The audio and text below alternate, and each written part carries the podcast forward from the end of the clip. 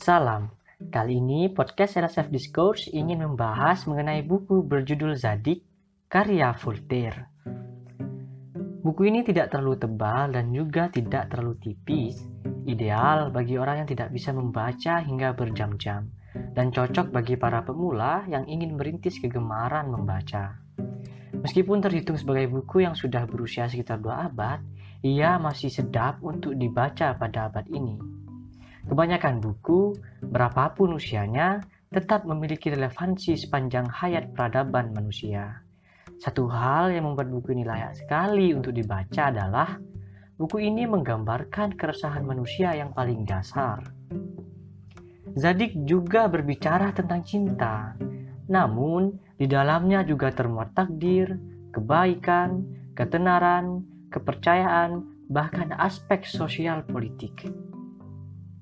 Nah, ketika membaca Zadik, hal pertama yang membuat terkesan adalah cara Voltaire bercerita. Sederhana, barangkali benar penilaian yang ada di sampul bukunya. Ceritanya seperti seribu satu malam, cara bertutur ala dongeng. Kedua, penggambarannya tentang tokoh Zadik yang serupa seorang nabi. Mempunyai kepandaian, baik hati, patuh, jujur, penyabar, bijaksana, dan sungguh-sungguh. Ia adalah sosok laki-laki yang sempurna seperti Fahri dalam ayat-ayat cinta. Hanya saja, kepercayaan Zadik atas nilai ketuhanan bersifat universal, sehingga tidak menjurus pada kebenaran salah satu ajaran tertentu. Namun sial, dalam kisah ini, Zadik sering sekali tertimpa sial demi sial, dari kepedihan ke kepedihan lainnya. Filosofi Voltaire nampak sederhana dalam buku ini, tidak rumit seperti dalam karyanya yang lain seperti Dictionary Filosofi atau Kamus Filsafat dan Traktat Toleransi.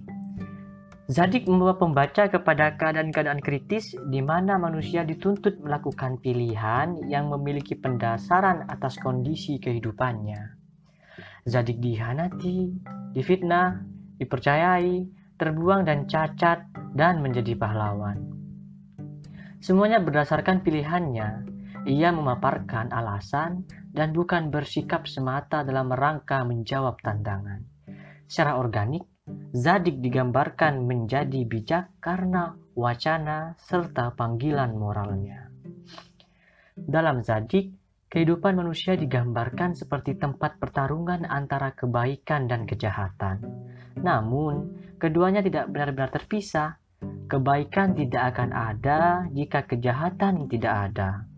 Meski demikian, orang baik akan merasakan suatu kebahagiaan, karena di dalam kebaikanlah kebahagiaan sejati itu bersemayam. Sedang orang jahat tidak, mereka hanya tampak bahagia saja. Dunia dalam Zadik sudah diatur nasibnya oleh Tuhan. Begitu pula manusia. Manusia sudah punya akhir cerita yang tidak mereka ketahui. Tetapi, sebagai pada Zadik, manusia masih memiliki kesempatan untuk merubah dan memaknai hidupnya dengan lebih baik. Ketika Zadik bertemu dengan petapa, semuanya dibongkar meskipun masih meninggalkan enigma yang abu-abu. Satu lagi hal yang penting dari keseluruhan cerita. Mengapa Zadik melanjutkan hidup?